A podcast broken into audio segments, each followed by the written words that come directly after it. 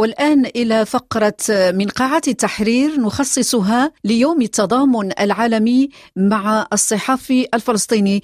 وللوقوف عند وضع الصحافي الفلسطيني في ظروف الحرب في غزة نستضيف الأستاذ ناصر أبو بكر نقيب الصحفيين الفلسطينيين من رام الله. مرحبا بك أستاذي. مرحبا بكم في مونte كارلو أهلا وسهلا. بداية اذا بمناسبة يوم التضامن مع الصحافي الفلسطيني ما هو وضع الصحفي الفلسطيني في ظروف الحرب؟ الصحفيين الفلسطينيون يتعرضون يوميا لحرب واسعة النطاق بشكل ممنهج وبقرار رسمي من حكومة الاحتلال الإسرائيلي تستهدف كل الصحفيين وكل المؤسسات الإعلامية في فلسطين، أقصد المؤسسات الإعلامية الفلسطينية والمؤسسات الإعلامية العربية والدولية العاملة في فلسطين. أيضا كلها مستهدفة، لدينا من الدلائل والإثباتات ما يؤكد كلامنا بالضبط. عندما نقول أن هناك 125 صحفي استشهدوا منذ بداية هذه الحرب نعم. فإن هذا يؤكد أن الاحتلال يستهدف الصحفيين. 80 مؤسسة إعلامية دمرت بالكامل في قطاع غزة.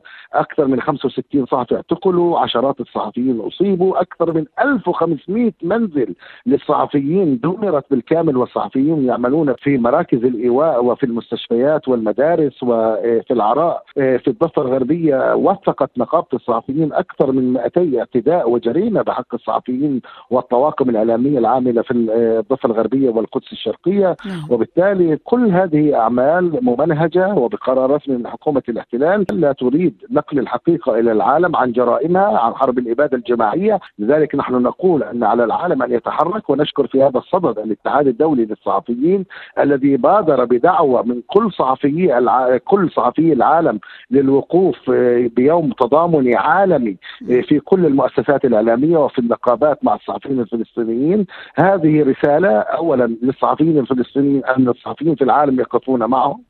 والاتحاد الدولي الذي يمثل أكثر نعم. من 185 نقابة حول العالم يقف معهم وهي رسالة للاحتلال أنه كفى لهذه الجرائم ويجب أن تتوقف وأيضا رسالة للاحتلال أنه سيتم محاسبتهم على جرائمهم بحق الصحفيين الفلسطينيين. نعم الأستاذ ناصر أبو بكر نقيب الصحفيين الفلسطينيين أنت معنا من رام الله يعني الصحافة الفلسطينية تؤدي اثمانا باهظة حيث قتل وأصيب العشرات بل المئات.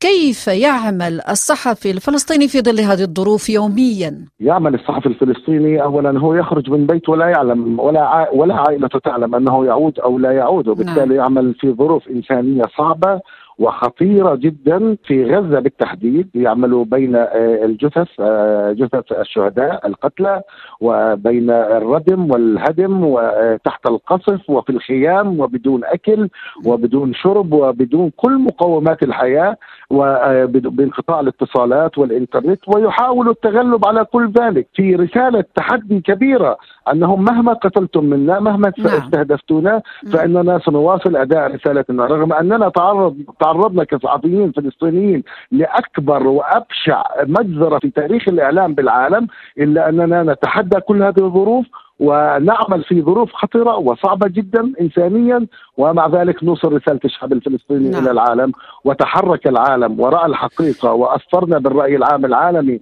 وأعتقد أن الرأي العام العالمي تغير باتجاه دعم الشعب الفلسطيني الذي يتعرض لعدوان لم يسبق له مثيل في تاريخ البشرية. نعم وفي هذا السياق يعني وهو سؤالي الأخير كيف تقرؤون هذه الوقفة وكيف تنظرون إلى عزم عدد من منظمات دولية توثيق ومتابعة إسرائيل على ما يقترف في الأراضي الفلسطينية المحتلة ارتفاع الخسائر البشرية التي نجمت عن قصف القوات الإسرائيلية في قطاع غزة وهو ما تعتبره هذه المنظمات الدولية الحقوقية جرائم حرب.